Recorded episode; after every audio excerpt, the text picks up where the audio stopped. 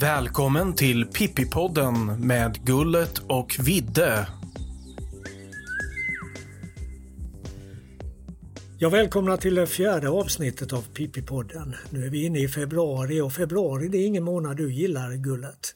Nej, man kan ju inte ha den till någonting. Alla månader kan man ju ha till något, men inte februari. Nej.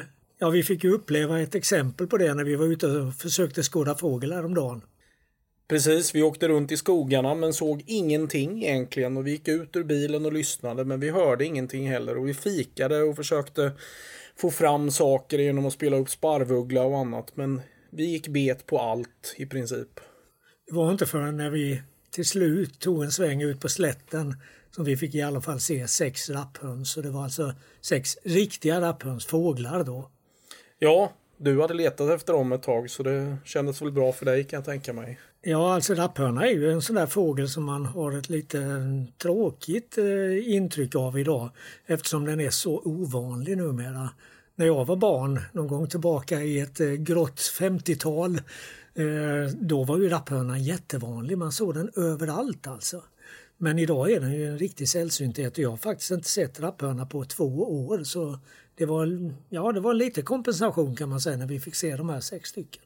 Mm. Sen åkte vi ut till kusten och såg inte så mycket där heller men en flock med alfåglar gladde ju och vi brukar ju inte ha så mycket alfåglar som ligger och rastar utanför vår kust här på Nej. västkusten. En gång i tiden lär det ha varit mycket alfåglar även i Kattegatt men eh, så är det ju inte numera. Nåväl, vi är alltså inne i februari och en sak man kan glädja sig åt i februari det är att eh, omkring den 10-15 i månaden så kommer första numret av Vår fågelvärld ut för året. Och I det nummer av Vår fågelvärld som kommer nu i dagarna så finns det en artikel som kommer att generera ett stort flöde på sociala medier. Det handlar nämligen om fåglars taxonomi och den här artikeln innehåller både splittar och lumpningar. För de som inte är så insatta i skådarnas terminologi så handlar splittar om att man delar upp en art i två eller flera medan lumpningar är det motsatta. Det som tidigare betraktats som olika arter slås samman till en. Och bakom det här ligger alltså taxonomiska landvinningar i form av DNA-studier och annat sådant. Och det är BirdLife Sveriges så kallade taxonomikommitté, TK, som står bakom den här artikeln.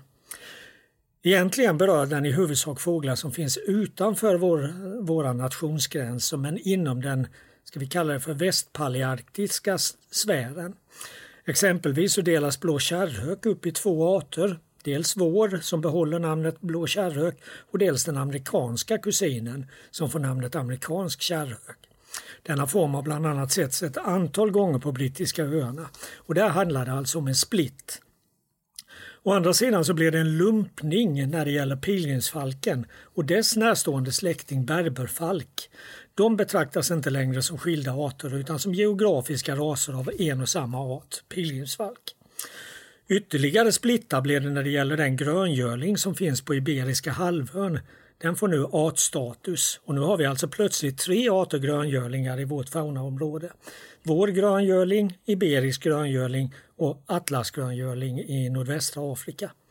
Även tofslärkan splittas och där gäller det den form som finns också i nordvästra Afrika men strax söder om Atlasbergen. Den är större och kraftigare än övriga tofslärkor och får nu namnet magreblärka. Ytterligare en split gäller bofinkens släkting blåfinken på Kanarieöarna. Det har visat sig att populationerna på Teneriffa och Gran Canaria skiljer sig så mycket åt att de ska betraktas som två arter. Teneriffa blåfink och Gran Canaria blåfink. Det blir ibland ganska besvärliga namn när man ska splitta på det här viset. Men finns det då inget att bita i för kryssarna här hemma i Sverige? Det brukar ju vara populärt med så kallade soffkryss, det vill säga att man får lägga till en ny art i sin lista utan att behöva anstränga sig.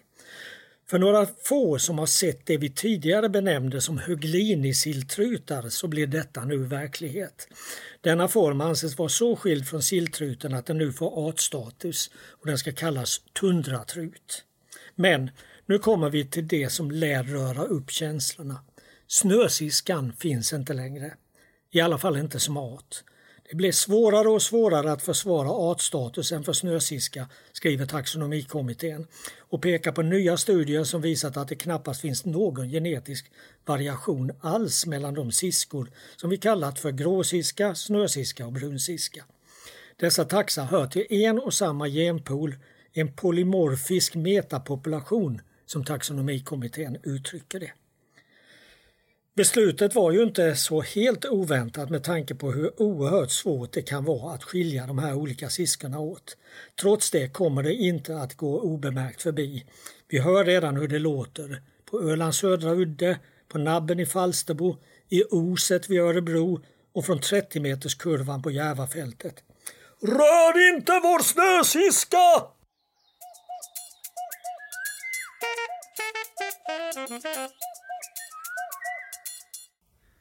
När det kommer till det här med gråsiska och snösiska, jag tror nog att det är lite politik i det hela ändå, så jag väntar nog med att ta fram suddgummit ett tag till. I förra veckans Pippipodd lanserade vi ett nytt inslag, en frågelåda. Denna vecka har vi fått en ny fråga. Den kommer från Niklas A i Torslanda. Han säger sig inte tro på änglar, men han undrar ändå om änglar skulle kunna flyga om de nu finns på riktigt. Ja, vi kan väl börja med att konstatera att när änglar uppträder i Gamla testamentets berättelser så liknas de vid människor. Så vi får ju förutsätta att det helt enkelt handlar om människor med vingar. Men alltså skulle inte en vingförsedd människa kunna flyga? Nej, det är inte särskilt troligt. Vi får ju jämföra med det som står närmast till hands och det är ju stora fåglar. Och då kan vi till exempel ta en kungsörn. En kungsörn väger cirka 4 kilo och den har en sammanlagd bäryta i form av utbredda vingar och utspänd stjärt på cirka en kvadratmeter. Och om den här ängeln i fråga är en man så bör han ha en vikt på ungefär 80 kilo, det vill säga 20 gånger kungsörnens vikt. Och för att lyfta denna kropp skulle det behövas en bäryta av minst 20 kvadratmeter. Och det skulle i sin tur betyda två vingar som var antingen 10 meter långa och 1 meter breda eller 5 meter långa och 2 meter breda. Och det skulle ju knappast gå att släpa omkring med. Men om änglarna istället är kvinnor då? Kanske till och med ganska små kvinnor? Ja, ska vi läsa Bibeln bokstavstroget så är ju i alla fall ärkeängeln Gabriel en man, det kan vi ju inte tvivla på. Men låt gå. Om vi säger att en liten kvinnlig ängel väger cirka 50 kilo så skulle hon behöva en bäryta på minst 12,5 kvadratmeter om vi jämför med kungsörnen. Och det skulle i sin tur kräva två vingar som är 6,25 meter långa och 1 meter breda alternativt drygt 3 meter långa och 2 meter breda. Och även det skulle vara på tok för mycket att släppa omkring med. Ja, så Niklas, vi kan väldigt säkert konstatera att änglar inte kan flyga. Ja, som ni säkert har hört så slog årets upplaga av Vinterfåglar in på knuten nytt rekord när det gäller deltagare. Fler än 21 000 personer skickade in sina rapporter och det blev ett enormt genomslag i media. Nu startar snart tävlingsprogrammet Det stora fågeläventyret på SVT så det blir alltså ännu mer fåglar i massmedia framöver. Det är kul tycker vi. Men vi har också förstått att det finns de som retar sig på denna fokusering. En av dessa är Tony Irving. Välkommen till Pippi-podden Tony! Tack så jolly mycket Vidde! Jag tycker den här fokus på fåglar fått alldeles för stor utrymme. Kråkor som skriker, måsar som skiter och duvor som smutsar ner som parasiter på gator och torg.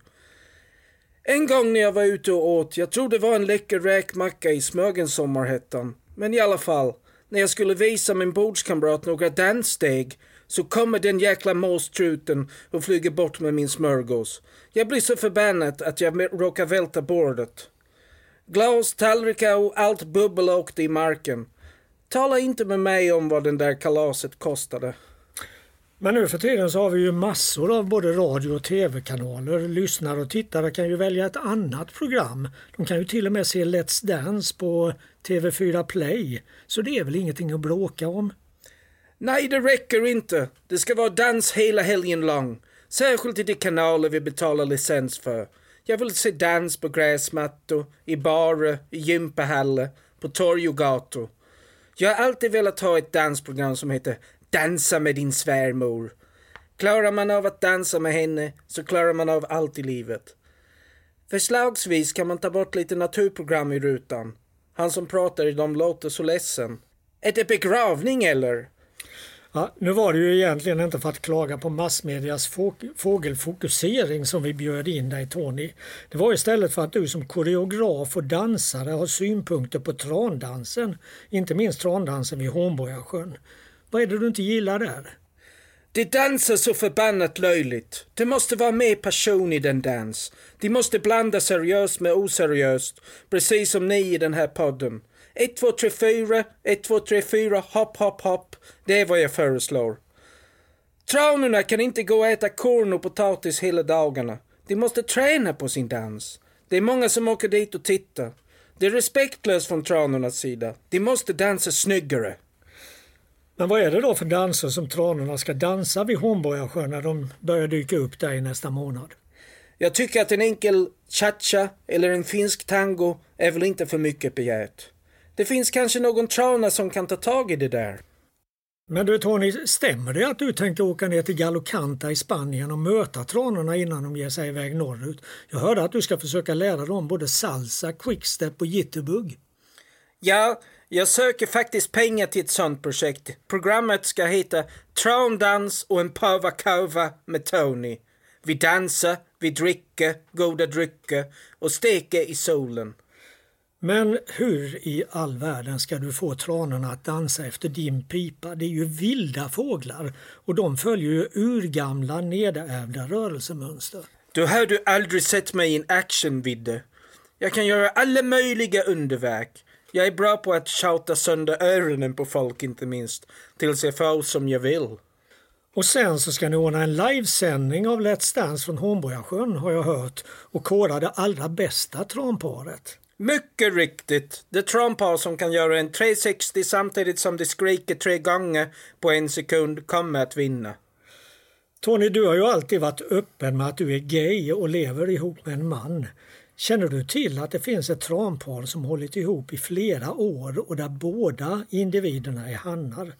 Absolut. Och i år är det inbokade i Pride-paraden. Men paraden är precis under häckningstiden. Jag gissar att de är ute på någon my någonstans i Mellansverige då. Jag får fundera på hur jag ska lösa den där knuten.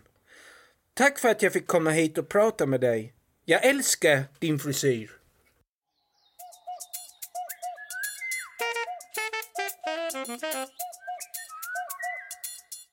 Och nu har vi kommit fram till det avsnitt i Pippipodden som heter Veckans fågel. Och denna veckas fågel är egentligen två. För vittruten och den vitvingade truten är båda arter som dyker upp hos oss vintertid och båda hör hemma långt norrut. Vittruten häckar cirkumpolärt i Arktis och i angränsande områden medan den vitvingade truten häckar på Grönland och i nordöstra Kanada. De är lika varandra i alla dräkter och kan ses nästan som storebror och lillebror. Vitruten är stor som en havstrut och grov medan den vitvingade truten snarare är liten för att vara trut och nästan lite måslik med sitt rundade huvud. I första ungfågeldräkt är båda arterna färgade som kaffe med mjölk, ganska svag kaffe med mjölk dessutom. Och de har mycket ljusa vingpennor. Hur är det Kristoffer, har du sett någon vittrut eller vitvingad trut i vinter? Nej, inte just den här vintern, men uh, visst har man sett flera stycken av båda arterna. Vi hade ju en uh, vitrut här för ett par år sedan som alternerade mellan en damm i Vallås och flög ut i hamnen på vintern. Den var det ju många som var och tittade på. Mm. Ja, det var väl förra vintern det? Ja, till och med det. Den, uh, nej, den hade någon slags förkärlek för Halmstad just den vintern. Annars så har det varit svårt att se sådana där trutar hemma hos oss senaste åren. Ja, man kan säga att både vittruten och den vitvingade truten var betydligt vanligare förr. Och det gäller alldeles särskilt vittruten som sågs i betydligt större antal under exempelvis 1980-talet än vad den har gjort efter millennieskiftet. För vitvingad trut är det lite marigare att dra slutsatser eftersom den betraktades som en stor raritet ända fram till 1980. Men under 1980 och 90-talen sågs den mera regelbundet med upp till 15 fynd varje år. Efter millennieskiftet har det varit ganska magert med färre än fem fynd under de flesta åren. och eh, några år med lite fler fynd och så ett stort undantag. 2012 uppträdde den vitvingade truten i aldrig tidigare skådad mängd och det noterades närmare 40 individer i hela landet och du såg väl flera utav dem va? har jag för mig? Exakt. Då fick vi se rätt så många vitvingade trutar här längs kusten, både särskilt i Skåne och i Halland. Sen 2013 eh, hade vi en häftig observation av vitvingad trut just på Trönninge ängar utanför Halmstad. Den fågeln stod på en av öarna ute i våtmarken och helt plötsligt så kom en medelhavstrut och landade bredvid den. Det var en ganska bisarr syn när Sibirien mötte Medelhavet eller vad man ska säga. En sån där häftig kombo som det brukar talas om i skådarkretsar. Exakt. Vi fick ju lite dokumentation på det med så att det blev ett minne för livet. Ja. Tillbaka till vittruten. Under 80 och 90-talen så sågs det regelbundet mer än 50 vitrutar vintertid i Sverige. Därefter har antalet minskat så att under 2000-talet pendlat mellan bara något tiotal och närmare 40 de bästa åren. Men inget år har alltså varit så bra som normalåren på 80 och 90-talet. Ehm, och du har alltså inte sett någon vitrut i vinter va?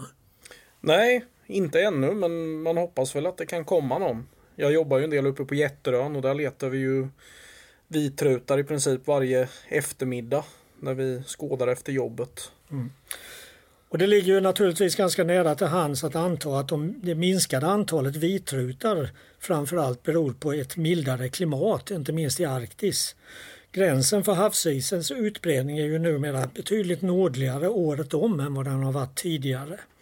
Eh, men finns det några andra förklaringar som du kan se det? Fisket alltså, det var ju mer populärt bland yrkesfiskare att åka ut och fiska på västkusten eh, förr om åren men det är inte lönsamt längre. Mm. Och det var ju ofta i fiskhamnar man såg vitrutar förr. Eh, och vad ska man då spana efter de här båda trutarna? Du kan ju leta på eh, dagarna efter traktorer som plöjer om det är lite milt eller så kan du leta ute i hamnar där det finns fiskrens och annat. Så det är framförallt där det hanteras fisk som man ska spana efter de här. Det är väl att föredra kan jag tycka. Det, du nämnde ju Jätterön tidigare. Det finns ju numera en örnåtel på Jätterön som även lockar rätt mycket trutar. Det kanske kan vara en plats att i alla fall spana in en vitrut på. Det är det ju verkligen. Varje morgon när vi lägger ut mat där så kommer det ju hundratals trutar, särskilt havstrut och gråtrut och landar där bland alla kråkor och annat. De är ju verkligen opportunister och tar tillfället när det kommer. Mm. Så spana i stora ansamlingar med trutar och det behöver inte vara enbart vid kusterna. Jag tittade i Artportalen och noterade att tre av de vitvingade trutar som setts hittills i år i landet faktiskt har setts i inlandet. Så även där kan det löna sig att titta på trutar.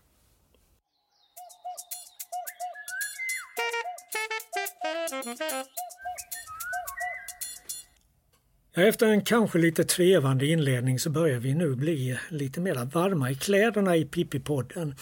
Och av de reaktioner vi har fått att döma så är ett väldigt populärt inslag de kåserier som Kristoffer Gullander förmedlar. Här har vi ännu ett. Tärnor i tusental och glädjetårar på min kind. Författaren Henning Mankell talade om kärleken som den enda nåden i livet. Att leva ihop med någon för att slippa den stora ensamheten var kanske det viktigaste av allt. Han och hans fru talade med varandra varje dag, oavsett var de än befann sig i världen. Jag håller med honom. Men för mig finns ytterligare en nåd. Fåglarna. Sedan unga tonår och nu kring de tidiga 30 har jag uppmärksammat fåglarna varje dag. Jag hör och ser dem. Jag längtar efter dem. Fåglarna finns nästan alltid runt omkring mig. Att känna igen en fågelart och veta vad det är som hörs högt upp på himlen är en tacksam känsla. Man slipper vara ovetande. De bevingade vännerna finns alltid där som ett passivt sällskap. Men ändå ger de en känsla av full närvaro. Åtminstone är det så för mig. En nåd i livet helt enkelt. En hel vinter hade gått. Den första koltrastsången i mars. Jag släppte matkassarna på cykelbanan bara för att få njuta av vår nationalfågels vackra stämma. Hoppet hade tänts igen. Hoppet om en ny vår med tusentals återvändande fåglar. Snart började bofinkarna sjunga. Gransångarna, järnsparvarna, taltrasterna och rödhakarna och alla de andra därtill stämde också in i kören allt medan våren gick. Sjöfågelsträcken svepte förbi längs kusten som långa girlanger i olika färger och former. Vi gick och väntade på något som vi inte visste att vi väntade på, jag och min gode vän Fredrik. Vi var båda två män i våra bästa år med olika personligheter.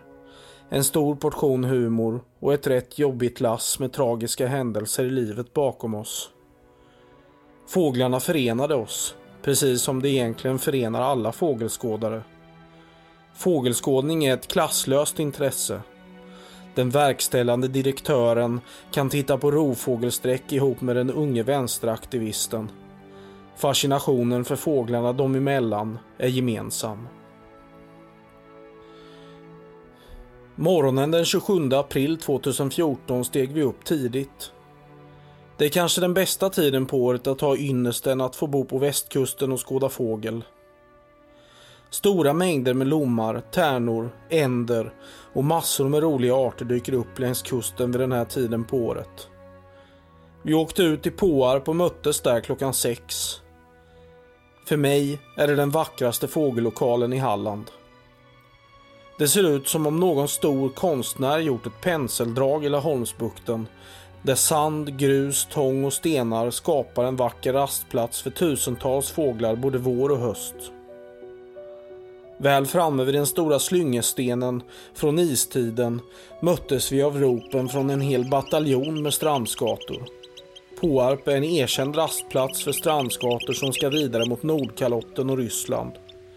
Den här dagen räknade vi ihop närmare 1200. Otroligt mäktigt. Snart riktades våra blickar över det för dagen mörkblå havet. Vi anade aldrig vad vi skulle få uppleva för skådespel just den här aprilmorgonen. Egentligen hade vi väl bara hoppats att få se lite smålommar, tärnor och möjligen någon kustlabb. Det började med en stor flock tärnor några hundra meter ut. Sedan kom det fler och fler. Vi bara stod tysta och iakttog. Där flög tärntåg efter tärntåg. En klar majoritet av silvertärnor, men säkert fanns också en och annan fisktärna i flockarna. En del flög tätt över vattnet, andra en bit upp och vissa flockar flög förbi nära medan de allra flesta sträckte en bra bit ut. De gracila tärnkropparna studsade fram i en fjädrande flykt över vattenytan som om det vore det lättaste som finns. Vi räknade och räknade. Det tog aldrig slut. Det kändes som om vi befann oss i en egen dimension där tiden hade stannat. Gåshuden spreds över min kropp då och då och jag får medge att mina ögon vid något tillfälle blöttes av en glädjetår. Vi tittade på varandra, skrattade och skakade på huvudet. Klockan blev tio och det hade passerat 12 000 tärnor. Ett antal som aldrig tidigare hade skådats i landet. Längre ner från Laholmsbukten rapporterades om ännu högre summor under morgonen. Det var i sanning en dag att minnas.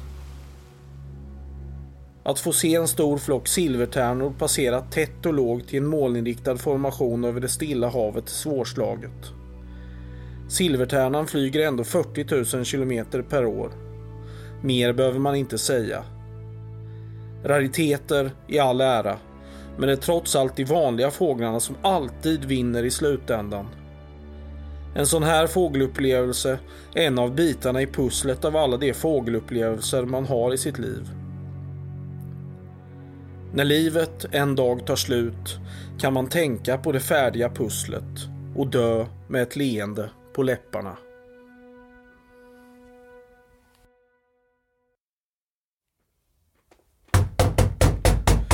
Nu knackar det på studiodörren. Ja, knacka är ju en underdrift. Det bankar på dörren. Det låter som att någon försöker riva huset där vi sitter. Det är uppenbarligen någon som är riktigt, riktigt arg. Nej men, titta det är ju vår gamle polare stockholmaren Mats Mackan. En av landets verkliga storkryssare. Men varför är du så arg? Har du inte hört? Jag får inte kryssa snösiska längre. Det här är fansen värre än ombyggnationen av Slussen och att äta lunch på Avenyn i Göteborg. Ge mig något lugnande. Jag har inte kunnat sova. Min statistik är förstörd. Jag vill kryssa hej vilt. Men nu får jag inte kryssa längre. Men visst är väl argumenten för att lumpa snösiska med gråsiska bra?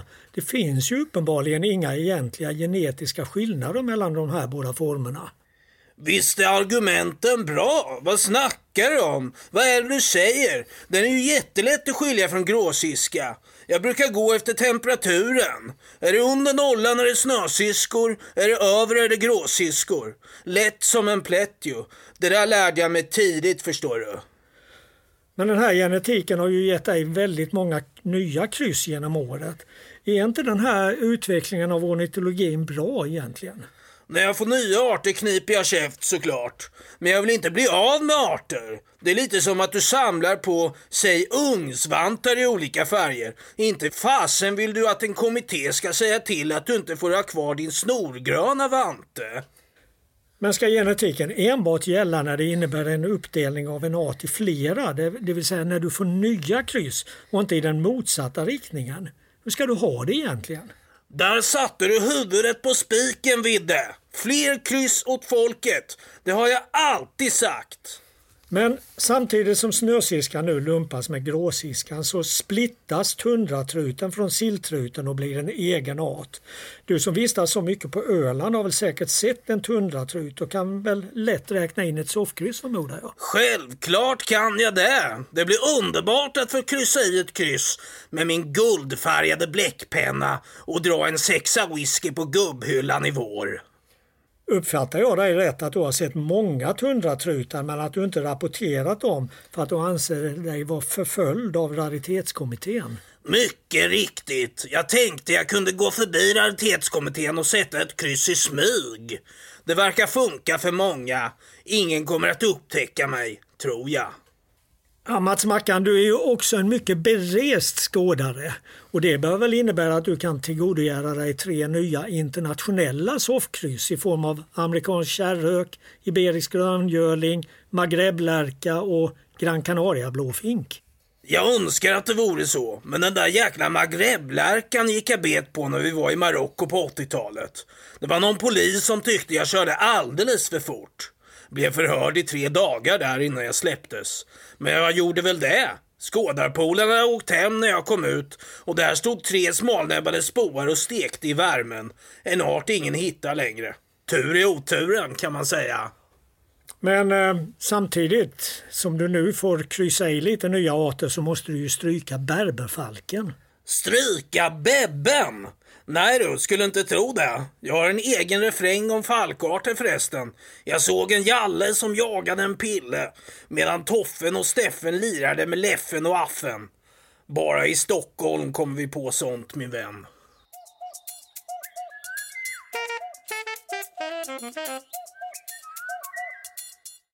Vidde brukar ju alltid avsluta Pippipodden med ett allvarligare inslag men i veckans Pippi-podd, eftersom det är alla hjärtans dag och allt, så blir det ett glatt inslag.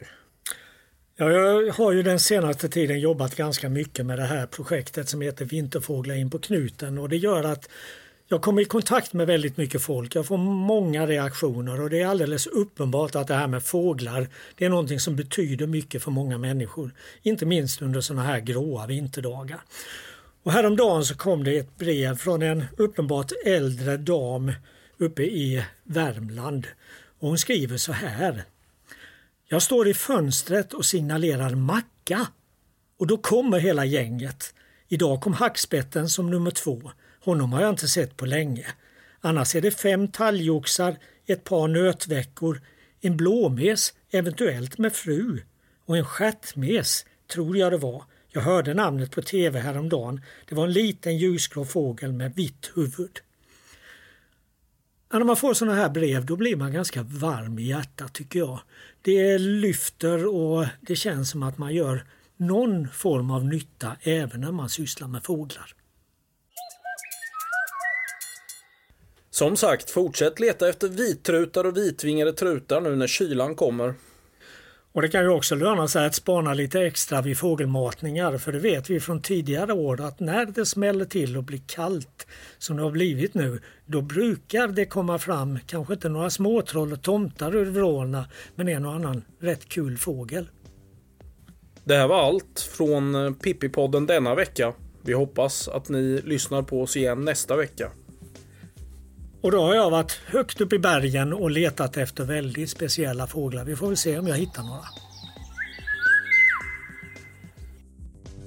Pippi-podden tar gärna emot tips på vad som kan vara med i programmet i framtiden. Skicka oss gärna ett mejl på pippipodden. Redigering av Frida Nettelblatt. Pippipodden produceras med stöd från Studiefrämjandet.